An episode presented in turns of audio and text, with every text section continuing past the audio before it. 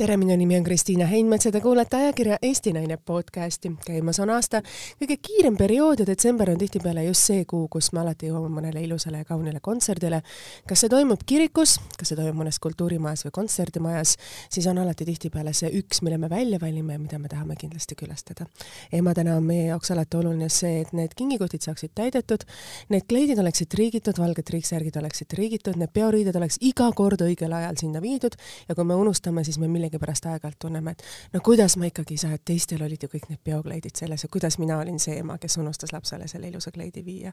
või emadena me peame dialoog oma tütrekestega või lastega, et kas päkapikul on nii palju jõudu, et ta jõuab peale piparkookide ja kommide tuua sussi sisse ka suuri kingitusi et see on võib-olla see detsembrikuu, mida me nii emadena kui naistena kindlasti oleme kas üle elanud, elame seda praegu või on see meie jaoks tulevik, aga on ka neid lapsi ja neid äh,, kuidas öelda siis, inimesi, kelle jaoks on jõulud ka võib-olla töine periood, periood, kus on nende jaoks mitte ainult kõik need kohustused, mis meie jaoks on olulised, on ka see, kus nad peavad esinema, peavad tegema selliseid teistmoodi asju või nägema, kuidas nende pere jaoks on see kõige kiirem aeg, kus tehakse kõige rohkem neid tööalaseid kohustusi. ja täna ongi stuudios, kes on väga varajasest lapsepõlvest veetnud, ma arvan, väga suure osa jõuludest kirikutes, kontserdimajades või siis ETV laulustuudios. tänaseks on temast saanud ema ja ta on võtnud üle teatepulga oma, oma emalt, kes oli sellise Eesti ühe tunnustatuma ja hinnatuma laulukoori eestvedaja. ta on hariduselt advokaat, mis on täiesti hoopis teisest valdkonnast, arvestades, millisesse lapsepõlve ta tegelikult kasvas ja kui suur osa oli tegelikult laulmine, muusika ja kontserdid tema eluosa. täna on ta advokaat ja mõnes mõttes on see nagu teistmoodi võib-olla oma, oma, oma, omas mõttes noorpõlves selline trott selle, kogu selle vastu, mis on olnud võib-olla nii suur sinu elust, et sa võtad endale hariduse või elukutse sellise, mis on täiesti teisest äärmusest. aga kuidas öelda, sellest muusikast ei ole pääsenud, täna ta on ise suurepärane sellesama koori juht, kus ta kunagi, kunagi laulis ja kõrvalt vaadates ähm, emana ja naisena kui palju üks naine suudab. peale selle, et tal on oma erialane töö, teeb ta oma vabast ajas seda ETV laulus, laulukoor, laulukoori vedamist ja siis sa mõtled, et issand jumal,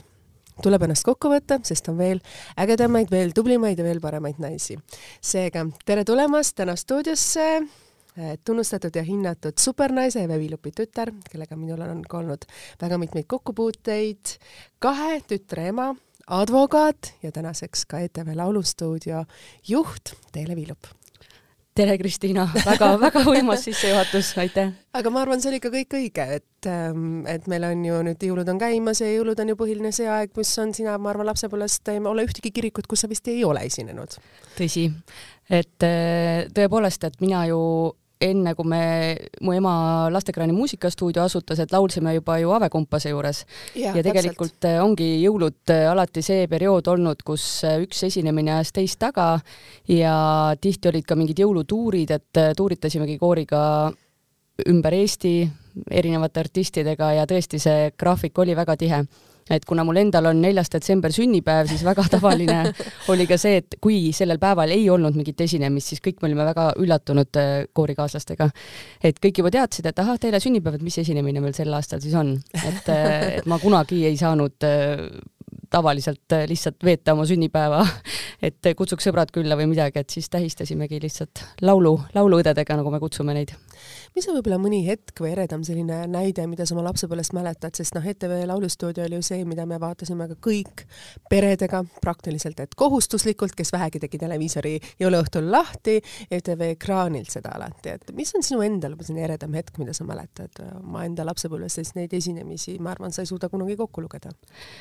võib-olla meie nagu seda selles suhtes nii, niimoodi ei adunudki, et see nüüd on nii suur asi, et eh, meie, me kasvasime seal kõik üles, see teles esinemine oli meie jaoks suhteliselt eh, loogiline, loomulik sel hetkel ja me üldse ei osanud ette kujutada, kuidagi teisiti võiks olla. et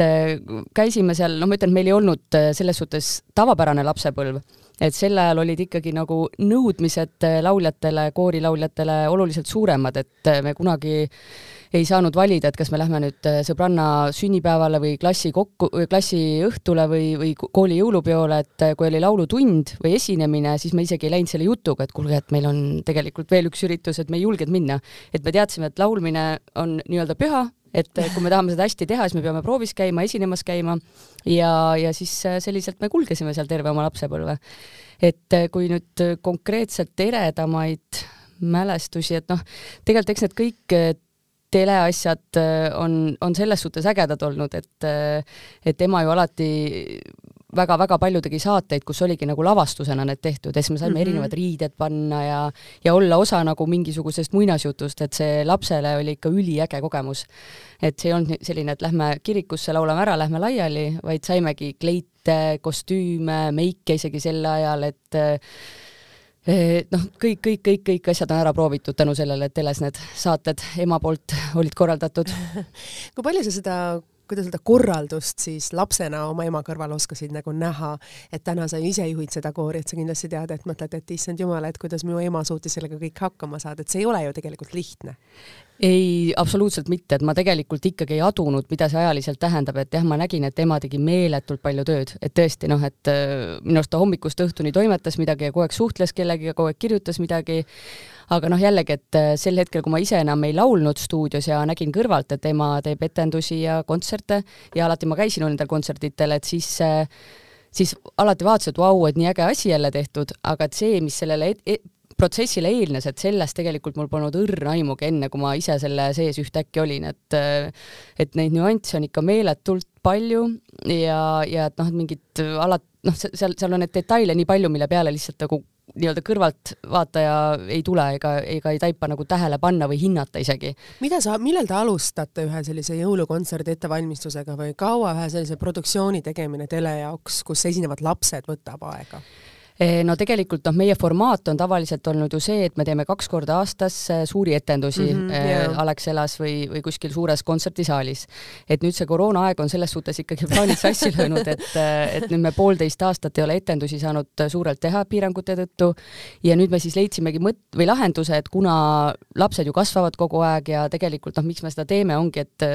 et ühest küljest loomulikult, et laste areng tagada ja, ja väljundit mm -hmm. neile pakkuda, aga väga suureks osaks on alati ka olnud olnud see, et kui nad ühel hetkel enam ei laula meie juures, näiteks kümme aastat hiljem, et siis on neil mingi tore mälestus, et panevad äh, plaadikese käima ja vaatavad, et oi kui nunnu ma olin. et, äh, et noh, et, et mingisugune mälestus luua nendele ja lapsevanematele ka mm. -hmm. nii, ja nüüd, kuna siis poolteist aastat meil etendusi teha ei ole õnnestunud ja nüüd novembris tuli jälle teade, et ikkagi on see piirang äh, kontserdisaalides, siis mõtlesime nii, et rohkem me ei oota nende piirangute leevenemist ja siis leidsime lahenduse, et teeme nüüd ikkagi telelavastusena selle kontserti seekord seekord. ja selles suhtes jällegi minu jaoks täiesti uus kogemus, et õnneks, õnneks on mul teles äh, väga hea nagu nii-öelda meeskond meil äh, lasteekraani toimetuses siis ja nad samad inimesed, kellega ema on koostööd terve elu teinud, et äh, kes täna siis lasteekraani seal juhivad ja, ja noh, tänu nendele ma tunnen, et mul on enam-vähem niimoodi, saan veel magada öösiti aga muidu küll, et kõik need telenüansid, et need noh, see on täiesti teine formaat ju kui etendus, et etenduses ja. on sul nii-öelda üks võimalus. lapsed äh, loodavad, et nad saavad kõik õigel hetkel lavale, et õigel hetkel läheb fono peale, valgus, äh, taustapildid, kõik, kõik on paigas aga, aga teles on see, et sa, üks asi on see, mis sa stuudios teed yeah., siis on veel montaaž ja siis yeah. sa mõtled, et kuidas see kõik kokku siduda nii, et ka televaatajal oleks seda põnev vaadata, et noh, telepildiline oleks. et kui sa lähed ju kontserdile oma last vaatama, siis no olgem ausad, ükskõik, mis ta seal teeb, ta on ikkagi kõige nunnum maailmas. laulab, ta ei laula, mu enda poeg esimesel etendusel Alexelas lihtsalt võttis keset etendust püksid ära.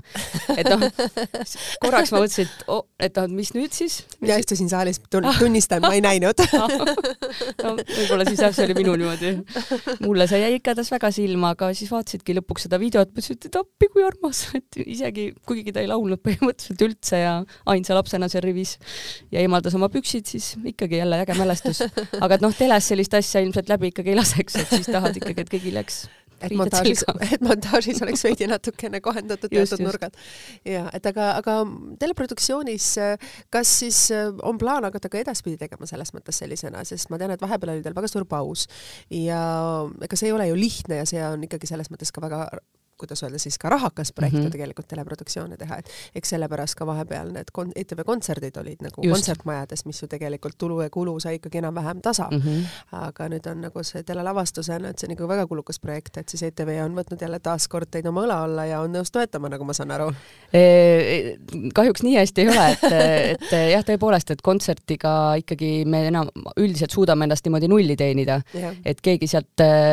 keegi sealt mingit kasu ei saa, aga kui me jääme nulli, siis meie meie ise loeme, et meil on väga-väga hästi õnnestunud projekt. et sest, et noh, kõik need kontserdisaali rendikulud,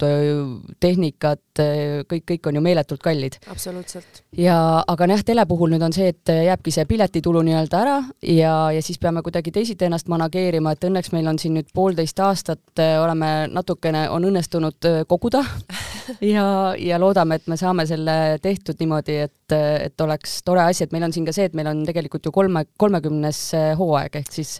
kolmkümmend aastat on tegutsetud ja, ja siis me mõtlesime, et see telesalvestus oleks ka nii-öelda tore, tore kingitus stuudiole, et mingisugune märk sellest, mis toimus kolmekümnendal hooajal, et ei ole jälle, et midagi teha ei saanud ja ainus, mida me lõpuks mäletame, on see, et koroonapaus oli, vaid et jääbki selline tore salvestus siis sellest kolmekümnendast hooajast tegelikult on ju ka see, et televaatajad saavad ju vaadata sellist asja, mis on suure südame ja hingega tehtud. Jah, absoluutselt, et ja veel kord, et noh, ikkagi ennekõike on see mõeldud lastele endale, et noh, ma ise vaatan praegu mingi, mingi aeg ei vaadanud nagu üldse, aga nüüd, kui endal lapsed on, siis vaatame ka neid vanu salvestusi ja, ja lavastusi ja ikka on tore küll, peab tunnistama ma arvan, et täna, kui keegi näeks meie, me, kui meie podcast oleks täna ka videokastina üleval, siis ma arvan, kõigil meenuksid mõne, mõningad hetked või mingisugused laulud, mida sina nagu laulsid. minul endal on nagu teatud laulud, just mingi Roosa jope, ma mäletan, mingi mhm. talvel tehtud, kus on need etendused, et noh, see oli nagu kõik, mida me vaatasime alati nagu lapsena. aga lähme nüüd edasi selles mõttes, et äh, lapsepõlv lapsepõlveks, aga sa läksid õppima ju advokaadiks, et noh, kust nagu selline lehekülje keeramine, et kas see oli mõnes mõttes protest kogu selle muusika vastu, et midagi ikka kardinaalset ja täitsa veits teistmoodi? võib-olla isegi, et jah, et tegelikult ma ju bakalaureuse lõpetasin äh, ajakirjanduses suhtekorralduses ja juuras okay.. et ma tegingi mm -hmm. kahte asja paralleelselt ja noh, olgem ausad, et see ajakirjanduse pool oli ikka rohkem ema rõõmuks valitud et äh, ma juba seal olles sain aru, et meil oli meeletult äge kursus, aga et noh, ma kuidagi nägin ja tunnetasin seda, et tegelikult teised mu kursakaaslased olid äh, oluliselt rohkem hingega asja kallal selle ajakirjanduse ja suhtekorralduse poole peal. et minul ikkagi lõi rohkem silma särama see juura, juura pool, et kuidagi kõnetas rohkem ja, ja kui bakalaureused sai tehtud, et siis tundus loomulik jätk, et ikkagi jätkan, jätkan seda liini. et sel hetkel ma ju ei teadnud ka, et mis elul, elul varuks on ja et ma siia eh, nii-öelda muusika ja, ja natuke ka ajakirjandusvaldkonda tagasi naasen, aga, aga noh, ma arvan, et igal juhul need mõlemad haridused nagu toetavad üksteist, et, et kindlasti ei saa öelda, et selline aja raiskamine oleks olnud üks või teine seda kindlasti, aga kas sa ei mõelnud, et ma tahaks ka lauljaks saada, sest noh, ilmselgelt sul oleks ema ja kuidas öelda, see mm, toetusringkond ikka väga suur olnud? tead, ma pean tunnistama, et ma siiamaani, kui keegi ütleb mulle, et laula, mul hakkab põlv värisema ja ma ei, ma ei, mul ei tule mitte liuksegi välja. ma olen kohutavalt äh, kartlik äh, esineja selles suhtes äh, üksi, et ma olen terve elu olnud koorilaulja ja mulle pole mitte kunagi sobinud see, et ma pean üksi solistina laulma ja selliseid ambitsioone mul pole kunagi olnud ja, ja noh, kui Arne Saluveer meile tegi neid nii-öelda luukambreid, ehk siis enne esinemisi oli mhm. tavapärane see, et kõik ükshaaval peavad ette laulma oma partii no ma ei tea, ma ikka stressasin seal mitu nädalat ette ja iga kord mul oli nagu noh, ma, ma tõesti, ma kartsin ja, ja siiamaani noh, nüüd lapsed on natuke seda olukorda parandanud, et noh, nendega koos ma olen hakanud nüüd jõuluvanale laulma. aga enne, kui neid, neid eh, veel ei olnud, siis ma ei julgenud isegi jõuluvanale laulda. hästi huvitav on tegelikult kuulata ju, sa, muusika oli nii suur osa, et see peaks nagu olema ka sinu osa, aga, aga see oli nagu sinule loomu, loomupäraselt siis täiesti mõnes mõttes vastuolus ju, esinemine. Eh, no mulle väga meeldib kooriga esindada siiamaani, et kõik need tüdrukud, kellega ma olen üles kasvanud, et kui mul on võimalus nendega koos laulda, siis ikkagi, kui vähegi võimalik, ma alati ütlen jah et mulle väga meeldib Aarnega koostööd teha ka koorilaulja rollis. Ja, ja noh, see osa mulle väga meeldib. Aga kui nüüd keegi ütleks, et nii, et sul on seal mingi soolo, mida sa üksi pead laulma, siis ei, ei. aga mina tean ühte legendi, mida sinu ema alati rääkis, et et kui ta teeb nagu sellise konkursi või asja, et ta valib nagu lapsi välja, siis ta valib lapsi ka tihtipeale mitte sellepärast, kui hästi ta laulab, vaid ta just valib selle peale, milline potentsiaal võib sellel lapsel olla, et tihtipeale nendele ettevalmistusele tulevad lapsed, kes ei laula väga hästi ja pärast tuleb sellest lapsest välja solist, et sa pead oskama nagu näha sinna lapse taha mm. -hmm. ja äh, tihtipeale on emad, kes soovadki oma lapsed siis sinna, kuidas öelda siis nagu mm, ettevalmistusse, et siis kas ta saab sisse või ei saa, et see on omamoodi konkurents, et seal on tavaliselt kuus, seitse, kaheksa gruppi ja siis üks grupp valitakse ja võib-olla üks lisagrupp, et siis sul käed värisevad, et kas su tütreke saab, et ta tahab nii õudselt hästi laulab, aga laulab mööda, no mis siis saab, tütar tahab, viin sinna, vaatan edasi, mis saab. et su ema, see oli aastaid tagasi muidugi, kui me rääkisime, siis ta ütles, et ta teab ainult kahte last, kes oskasid laulda, kui nad põhimõtteliselt otsu-, osutusid valit-, valituks. Mis sa arvad, kes need võisid olla? Ohoo, ma pean nüüd mõtlema ma ta tahaks loota, et ühena ikkagi tõi minu välja. ja see, vot see on tõsi ja teine oli olnud Maarja-Liis Ilus ah soo, okei okay. ja ta ütles, et ülejäänud lapsed on kõik õppinud tegelikult seal muusikastuudios laulma, sest me ju sünnime, meil ei ole ju seda arendatud, tihtipeale yeah. me ei tule muusikute peredest, aga nendele laps, lastele on midagi kaasasündinud, mida sinu ema oskas näha, sest vaata, kui palju on ju tegelikult tulnud ju sealt neid superstaare mm -hmm. ja neid lauljaid ju ja erinevate konkursside võitjaid just sealt või siis hile, hiljem ka muudes muusikavaldkondades, kuidas öelda siis, kätt kinnitanud või edukaks osutunud inimesi, lapsi. just, et tegelikult ta ju on seda öelnud ka oma saadete puhul, et, et ta mitmed lastesaated äh, lõi mitte nii, et tekkis idee, et teen sellise saate mm, -hmm. vaid et ta nägi mingit last ja ta mõtles, et äh, oh kui äge oleks tema ümber ehitada mingi selline saade, et tegelikult Hei pöialpoisid mm -hmm, ja, ja, ja siis äh, ka Kikeriki et, et, et need, nende peaosatäitjad ju samamoodi, et idee tekkis siis, kui ta nägi last et ta ehitaski nagu saate sinna ümber ja tal oli tõesti selline kuidagi oskus märgata seda, seda talenti seal, kus seda võib-olla ise niimoodi tavalises olukorras keegi poleks märganudki. omamoodi oskus, aga oled sa nagu mõelnud nüüd nagu tagasi ka sellele, et sa tegelikult ju kasvasid ülesse, sa olid tuntud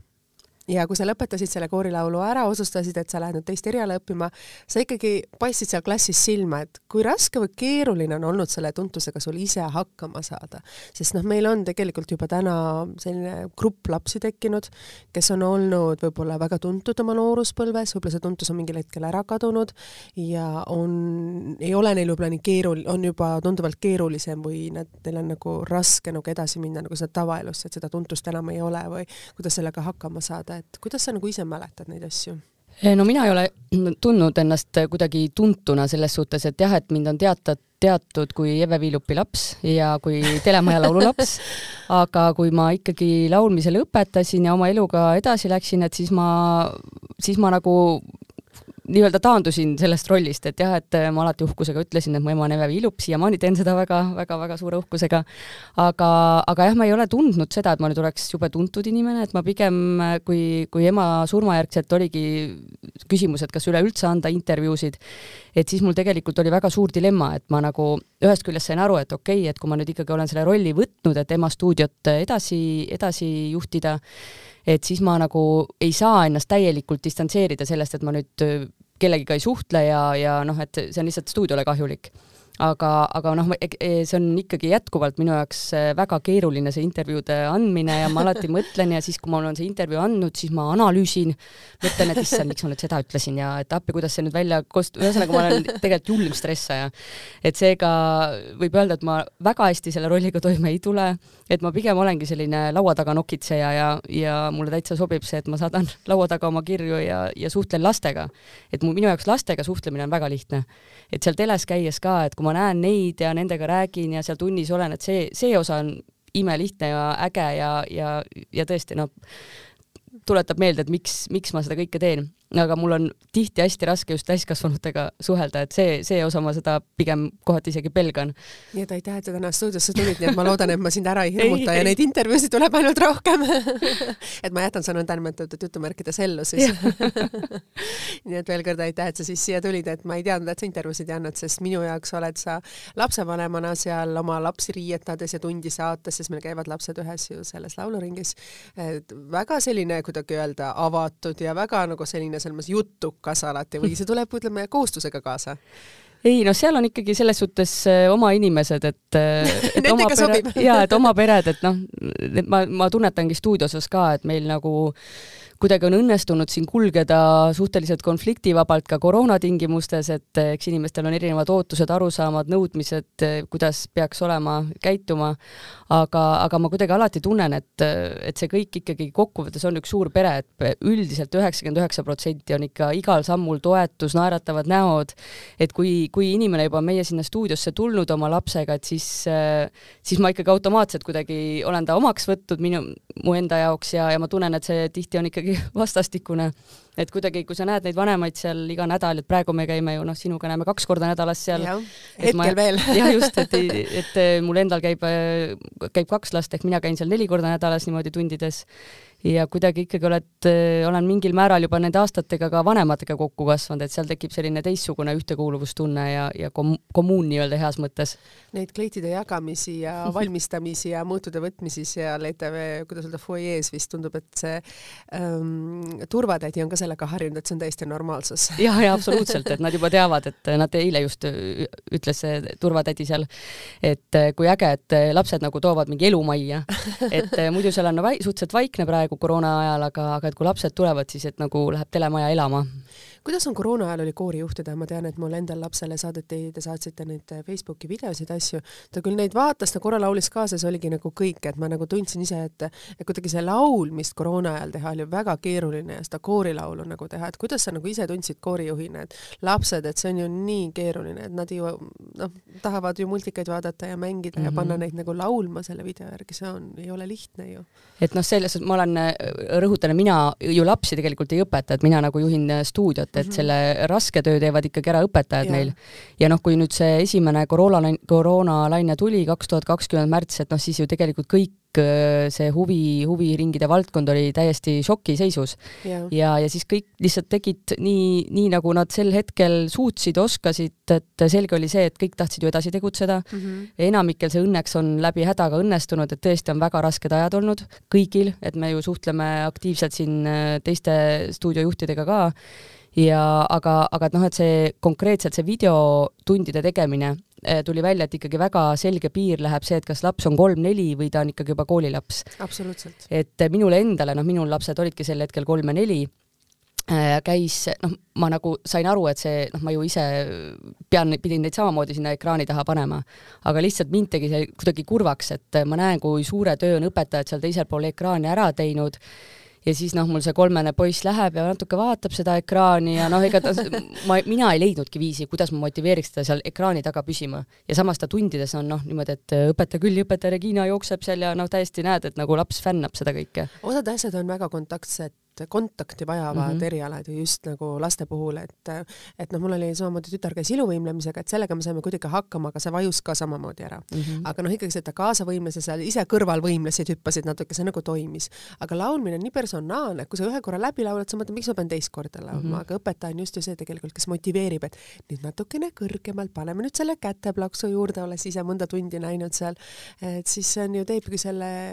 lapsele selle, kuidas öelda, mänguliseks. just, ja noh, tegelikult tegelikult, kui neid tunde vaadata, et siis ja. üks osa on see, et see laulmine ja pillimäng ja, ja rütmika, aga noh, seal tunni osas on nii palju nüansse, kus õpetajad ongi põlvili maas, seal teevad nalja, tantsivad, on nagu heas mõttes klounid, et selles suhtes see, et sa hoiad kolmese tähelepanu üle tunni aja järjest, on väga suur väljakutse. et seda võib-olla väga paljud selles suhtes ei adugi, aga et see nüüd teha ära, see tund aega videosilla vahendusel kolmeaastasega, no see, see, see ei toimi, seda, seda me võime emadena öelda. just kuidas te olete nüüd ise mõelnud, et kui need koroonaajad jätkuvad ja asjad, et meil on ju osad tunnid vahepeal jäävad ära ja ETV on ju tihtipeale ju see asetus, kus need reeglid on kordades karmimad, et me näiteks tuleme sisse, me oleme maskis, me ei tohi seal viibida, me peame vanematena olema seal väljas, et et kuidas te nagu ise nagu olete hakkama saanud või nendega, et sinul nagu selle juhina, et sul on ju tegelikult iga päev see mõnes mõttes probleem kukil, et kuidas me edasi saame ja tegelikult ju lahendust ei ole ja sina oled praegu koorijuhina ja neid õpetajaid ja erialajuhte on ju tegelikult Eestimaal üle maailma väga palju mm. -hmm. et noh, eks siin ongi need väga valusad äh, teemakohad, et üks asi ongi see, et äh, kuidas, äh, kuidas tagada laste õpetajate turvalisus tundides, et noh, selles osas me nüüd olemegi, saadame ju, sa ise saad neid kirju, et maskid, maskid, maskid. aga et noh, võib-olla valusam teema on nüüd ikkagi see, et me ei, kõik vanemad ei saa ju oma lapsi vaatama tulla tundidesse. et noh, mina ise olen olen ma võin selle välja ka öelda, väga vaktsineerimise poolt, samas noh, ma ütlen, et neid põhjuseid, miks inimesed ei vaktsineeri ennast, et ei ole mina pädev neid hindama ja, ja ilmselt on väga vähesed, et võib-olla Irja Lutsar ja veel mõned, aga see on nende enda valik. just, et, et ja, ja väga paljud ei taha sellest aru saada, et meie seal stuudios tegelikult ei taha neid hinnanguid anda, meid tegelikult noh, kokkuvõttes kuidas ma ütlen, ei huvita see, et, et, et kas sa vaktsineerid ennast või mitte, mis põhjused on, et see me, ei ole üldse meie prioriteet. meie tahame seda, et lapsed saaks käia tunnis, et lapsed püsiksid terved, et õpetajad püsiksid terved ja me tahaks ka, et lastel oleks selles suhtes väljund, et nende vanemad saaksid neid ka vaatama tulla. et see on nüüd küll see valus koht, et me peame ikkagi lastele ka selgitama, et noh, näiteks isadepäeva kontsert, et eh, mina enne rääkisingi, noh, teadmata, et kas kõigil saavad isad tulla või mm -hmm. mitte, siis räägidki, et aga et see, et noh, et selgitada, et see aasta ongi isadepäeva kontsert teistmoodi, et äh, kellel tuleb äh, issi, kellel vanaisa, kellel emme, et, et see pole üldse oluline ja siis selgitadki lastele, tegelikult lapsed on ülimõistvad, tihtipeale mõistva, mõistvamad ja mõistlikumad kui täiskasvanud. et äh, nad said väga hästi aru, et, et noh, lihtsalt tuleb hästi palju rohkem seda selgitustööd teha, et ükski laps ei tunneks ennast halvasti, et aga näed, minu emme või iss ei saanud tulla. et nad saavad väga hästi aru, et seekord käib keegi teine sugulane, tädi, sõber ja, ja noh, nii palju, kui ma olen lapsi jälginud, et kellelegi see väga suurt trotsi ega kurbust pole tekitanud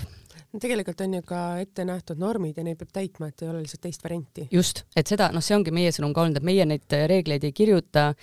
ja noh, tõepoolest on, on tulnud ka väga kurjasid kirjasid meile, et eh, miks, miks ei lasta vaatama lasta, aga noh, et jällegi, et meie ikkagi oleme võtnud väga-väga selle seisukoha, et kui on sellised reeglid, et siis me astume, astume selles suhtes äh, valitsuse teadusnõukogu ja jumal teab kellega veel ühte sammu, et ei, ei, ei ürita nagu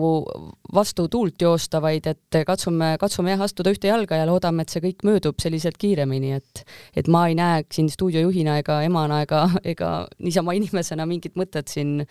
selle, selle vastu sõdida, et me kõik oleme selles jamas ühtemoodi ja, ja minu hinnangul on väga oluline see, et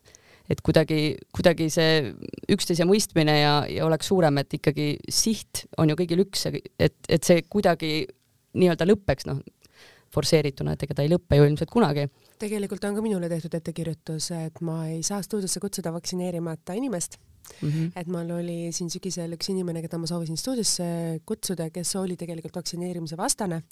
siis meil oli väga suur dilemma ka siin toimetuses, et kas kutsuda, kui ma kutsun, mismoodi ta peab tegema, millal ta peab selle PCR testi tegema, millised on need turvameetmed mm -hmm. ja mhm. siis siia stuudiosse, kus me täna stuudiot, seda saadet salvestame, siis siia me ei oleks tohtinud teha, et meil on ka üks väiksem stuudio, mis siis oleks eelnevalt ära desinfitseeritud, et noh, need nõuded on nagu nii suured ja tegelikult nad ei saaks ka sinna seda lubada mm. -hmm. et noh, mõnes mõttes minul sa-, minul saatejuhina oli, et kuidas on see võimalik, et me nagu teatud osa inimesi ära lõikame siit, aga mulle tehti väga ilusti selgeks, et aga vaata, siin on tegelikult ju noh, niivõrd palju, mitukümmend inimest meil siin mm -hmm. suurel korrusel ja sa sead kõigi nende elu ohtu, ohtu see, kui nad nagu tuleb või, või sellised reeglid on meil tehtud, et me ei saa nendest üle minna. ja siis nii on lihtsalt, sa pead neid jälgima ja nii on ja sa pead olukorraga lihtsalt nagu leppima, et sa ei saa seda inimest kutsuda stuudiosse, sest ta on vaktsineerimata. jah, no eks see ongi, et ega, ega kellelegi see olukord ju ei meeldi, see on selge. aga, aga et eks siis tulebki toimetada selles olukorras äh, nii mõistlikult ja, ja ratsionaalselt, kui see võimalik on, et et ma jah, ei ole seda meelt, et siin kõik, kõige vastu pidevalt sõrad ajada ja sõdida, et, et ma, mina lähtun sellest, et kuidas meie saaks võimalikult ohutult äh, stuudioga edasi tegutseda ja, ja noh, praegu nüüd olukorras, kus tegelikult aasta aega me sisuliselt ei saanudki tööd teha, et seda enam see on oluline mu jaoks. et mhm. meie omalt poolt äh, ei, järgime neid norme, kas need ennast õigustavad või mitte, eks see siis selgub tagantjärgi, aga, aga noh, täna, et eriti olukorras, kus me tegeleme, tegutseme ju ERR ruumides, kellel on, kellel on kohustus uudiseid edastada ja saateid teha, et me, me ei saa endale lubada seda, seda, et me ei jälgiks reegleid, et see on, on nagu on, aga nii on. aga kui sa said emaks, mismoodi sina nagu muutusid, sa ise mainisid ka juba, et nüüd, kui sa oled ema, et sa vaatad asjadele hoopis teistmoodi ja et kuidagi nagu see võib-olla ühtsus ja need asjad, mida sinu ema sulle õpetas, on nagu rohkem võib-olla sinusse rohkem kiindunud või sisse tulnud? ja noh, see emaks saamine oli noh, täiesti märgiline hetk minu elus, et, et ma ju, minu enda ema suri, kui ma esimest last ootasin ja noh, eks mingisse auku ikkagi see selles suhtes mina vähemalt kukkusin, et selline autopiloot läks käima ja, ja ma ei tea, üle poole aasta, noh, ma väga palju isegi ei mäleta sellest perioodist, aga, aga et kui, kui ema sündis ja, ja paar nädalat läks mööda, et siis ma nagu mäletan jälle, et hakkasid äh, mingid äh, värvid tagasi tulema, et ema, ema sünd oli meil nagu selles hästi raske, et me olime pikalt veel haiglas, aga lõpuks, kui me sealt äh, lastehaiglast ka välja saime ja, ja sain ka aru, et okei okay,, et ta nüüd on siin, ta jääb siia, et aga ei juhtu midagi halba, et mul oli hästi palju pidin endaga tööd tegema, aga kui see teadmine tuli, et siis ma nagu tulin jälle nii-öelda maailma tagasi ja, ja kuidagi, kuidagi hakkasin, hakkas mingi uus etapp elus kuidas sa selle emotsionaalse raskusega selles mõttes just nagu sellel perioodil toime tulid, et äh, ühest küljest nii tähtis osa sinust, sinust lahkus, Juusos on tulemas, sa ütlesid, sa kuus kuud ei mäletanud, aga mis oli see, mis aitas sind sellest august välja, sest noh, neid auke on meil elus ju palju. Äh, jah, et eks, eks see noh, sellest see leina teema on väga keeruline, et ma jälle jätkuvalt ei tunne võib-olla, et ma olen pädev selle, sellel teemal rääkima, aga mis sind aitas selles mõttes? Kui ma päris ausalt olen, ütlen, et esimene märk, et võib-olla, võib-olla ma ikkagi tulen sellest välja, oli see, et üks minu ajakirjanduse kursaõde kirjutas mulle, kellega ma tegelikult üldse ei suhtle, et tema oli kaotanud oma lapse pool aastat varem ja tema kirjutas, et, et usu mind, et ühel hetkel läheb elu mitte ta ei normaliseeru, vaid et sa saad aru, et selle uue normaalsusega ja normaalsus on ka võimalik elada. ja siis ma mõtlesin, et okei okay,, kui tema pärast midagi nii hullu kogemust see, midagi sellist ütleb, et ju siis on lootust. ja minu jaoks see, see murdepunkt oligi siis, kui mu enda laps sündis ja, ja me lastehaiglast välja saime. ja siis ma sain aru, et okei okay,, et ikkagi on võimalik naeratada jälle, naerda ja, ja kuidagi see elu läheb edasi selles uues normaalsuses, et sa õpid selle, selle tundega elama, et sa ei saa sellest üle kunagi ja, ja ei saa üle ka, tänaseks on juba väga palju aastaid sellest möödas mm, -hmm. aga et sa õpid sellega elama, sa jälle suudad õnnelik olla, naeratada, rõõmu tunda. sa mainisid mitu korda, et naeratada. mis on selles naeratuses sinu jaoks siis äh, olulist või mida see nagu sinu jaoks nagu, nagu tähendab? ma, minu jaoks, miks ma seda võib-olla jah mainin, et äh, pärast äh, ema surma mäletan väga-väga seda hetke, kui ma esimest korda naersin, naersin et see oli kaks, äh, kaks tuhat viisteist august, kui mu laps oli kolmekuune ja mingil põhjusel ma fikseerisin ära, et issand, et ma naersin, nagu südamest naersin. ja, ja kuidagi see oli jälle sellise märgilise tähendusega, et lihtsalt, et saadki aru, et, et elu, elu läheb edasi ja, ja on, tuleb asju edasi, mille üle sa oskad õnnelik olla ja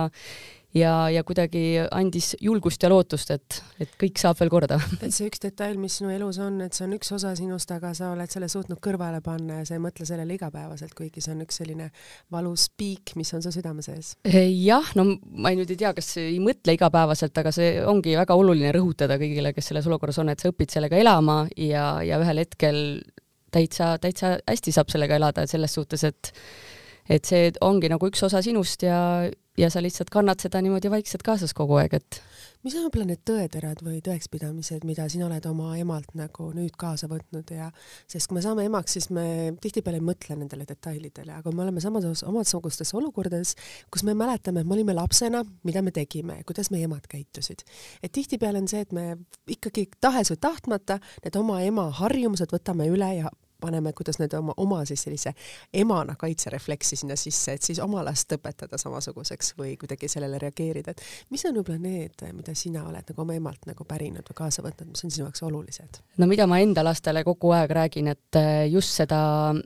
empaatiavõimet, et eh, ma, kuigi ma arvan, et seda nagu lõpuni ei saa kellessegi süstida, et siis seda saab hästi palju arendada ja, ja kasvatada, et sa, et, et noh, täpselt seda, et ma kogu aeg räägin neile, et see, kui nad ütlevad, et näed, tema tegi midagi, teine laps tegi midagi nõmedat, et siis ma alati üritan neile selgitada, et ära ütle nii, et sa ei tea, mis tal päeval juhtus, mis tal kodus toimub, et püüa mõista, et äh, küsi, et aga miks sa ütlesid mulle nii, et äh, ja minu ema ka hästi seda rõhutas kogu aeg, et ära, ära nii-öelda lenda peale kellelegi, et sa ei, sa ei tea tausta, sa ei tea, mis tal parasjagu toimub elus, et ürita mõista. Ja, ja seda ma küll nüüd täna näen oma laste pealt, et neil see empaatiavõimega on õnneks väga hästi et see on minu jaoks ülioluline. et neist ma loodan, noh, ma muidugi, nad on praegu väikesed, üks sai just viis ja teine on kuus, aga aga ma loodan, et see on midagi, mis neile jääb, et noh, seda, seda tõesti minu ema kogu aeg rääkis, et et ära, ära ole kuri põhimõtteliselt, ära ole õel, ei tohi olla õel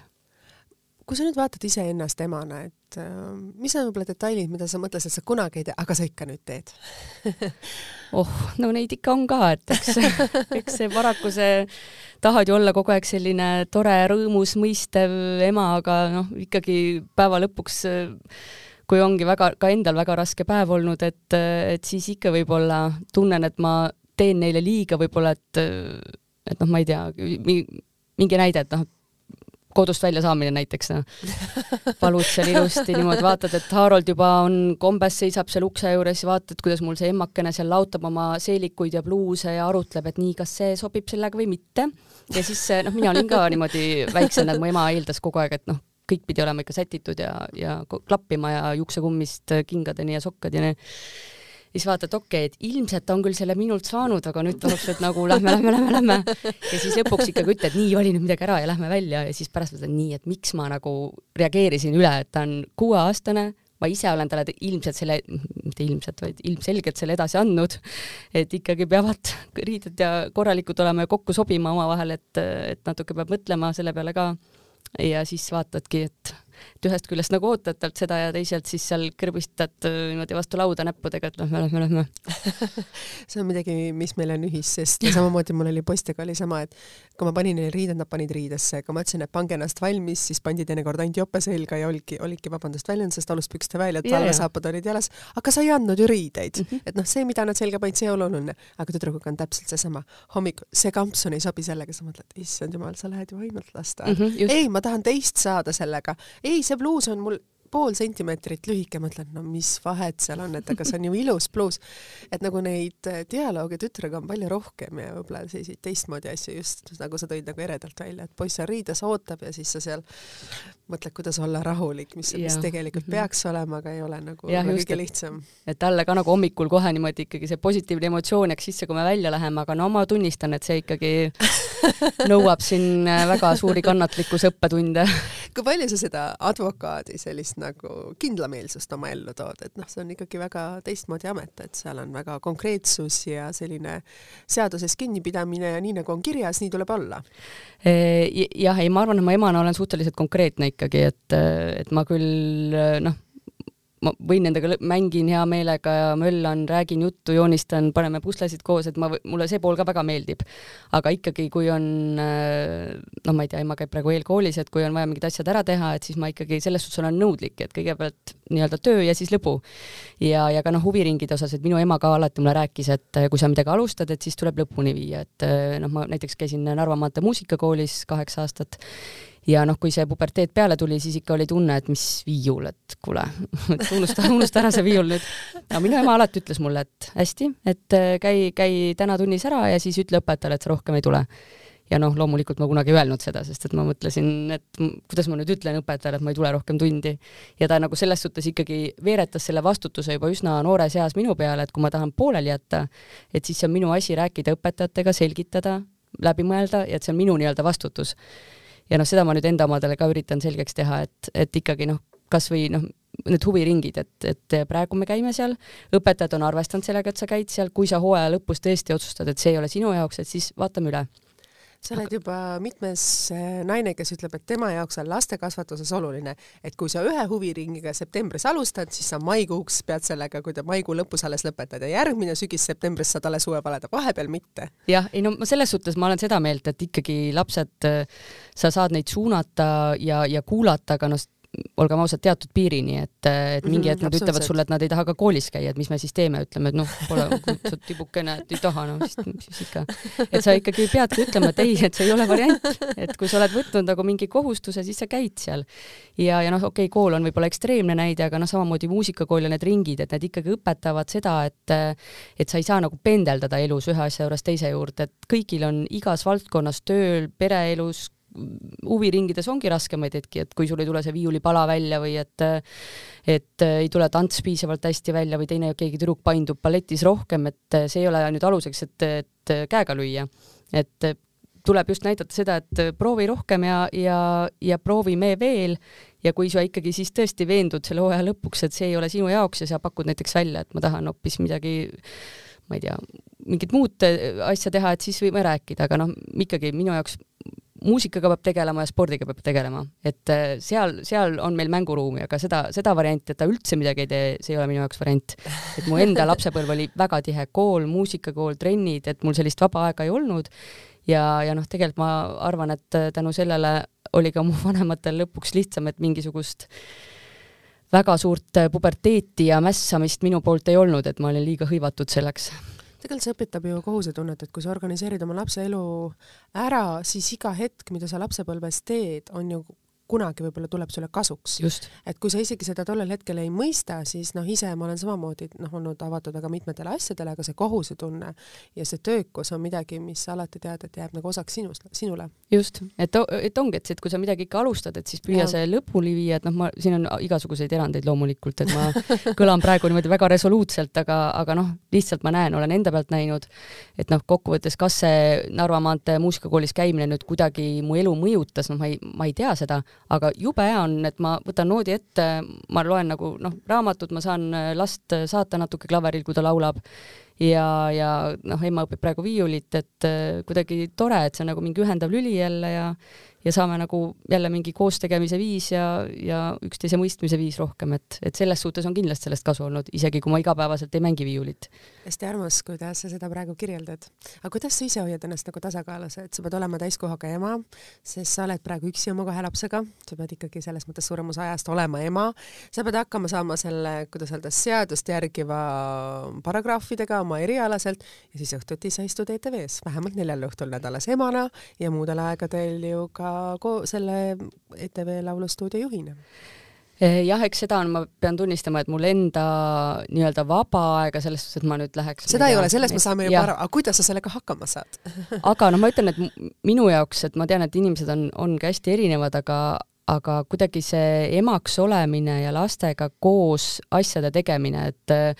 on minu jaoks totaalne stressimaandus, et kui ma näiteks võtangi oma lapsed, mul ei ole vaja mingit seltskonda, oleme rohkem, et mina ja mu kaks last, me lähme metsa kelgutama või, või kasvõi ki-, kinno või niisama jalutama, et see kuidagi on, ma tunnen ise, et ma olen pärast seda parem inimene, parem ema, et kui ma saan lihtsalt nagu korraga nende, nende, nendega nii-öelda argirutiinist välja ja, ja lihtsalt, lihtsalt olla nendega koos, ilma et peaks kuskile jooksma, tormama, keegi peab, et, et mingisugust nagu tuld, tuld ei ole takus et selline, selline pingemaandus sobib mulle kõige paremini. ja noh, nüüd koroona ajal on see keerulisem, aga noh, ma olen juba titest saadik nendega käinud ka üksi niimoodi reisidel, et alguses kõik mõtlesid, et miks sa teed seda, et see pole ju puhkus. aga vot minu jaoks on. et see, et kui ma saan nendega näiteks olla kuskil reisil koos nädal aega kolmekesi, et ma tunnen seda, et jällegi, et see on noh, minu jaoks see reis on näiteks, reisil olla nendega on nii palju lihtsam, eriti kui nad väga pisikesed olid, et seal aastase ja kahe, eh, tähendab, Harald oli kaks ja Emma oli kolm, kui ma nendega käisin Hiinas ja.... Hiinas, oot-oot-oot-oot-oot, kahe-kolmeaastasega Hiinas ja..., mida sa tegid seal, kas sa olid lihtsalt puhkusel või, või, või mm., või see oli ka su tööga mingil määral seotud? see oli, eh, meil lastekoor käis Chengdu's koorikonkursil mm -hmm ja siis, äh, kuna mul ei olnud lapsi kuskile jätta, samas ma sain aru, et seal, kuna see Hiina kassi ajamine oli täielik kaos, noh, selles suhtes, et ma käisin seal näpus Google Translate ja üritasin seal neile hiina keelt selgeks teha, mida nad muidugi mõistagi midagi aru ei saanud. ehk siis äh, see oli, see oli täielik kaos ja ma sain aru, et ma ei saa neid saata sinna, nii et ma ise kaasa ei lähe. Siis ma mõtlesin, et nii, ja kus ma siis Emma Haroldi panen? Ja mul neid ka kuskile panna polnud ja siis ma mõtlesin, et davai, et proovime ja siis, äh, siis kui ma juba no, mõtlesin, et okei okay,, me nii kaugele sõidame, et siis ma läheks pärast, vaataks Hiina müüri ka üle veel, et, et siis pikendasin lihtsalt nendega puhkust ja väga äge oli. ja siis ma saingi aru, et okei okay,, et see on minu parim teraapia, minu parim puhkus ongi see, et kui ma saan nendega kuskilt äh, nii-öelda argielust eemale, täiesti rutiinist välja ja, ja see reisidel olemine on meil alati tõesti täiesti pingevabana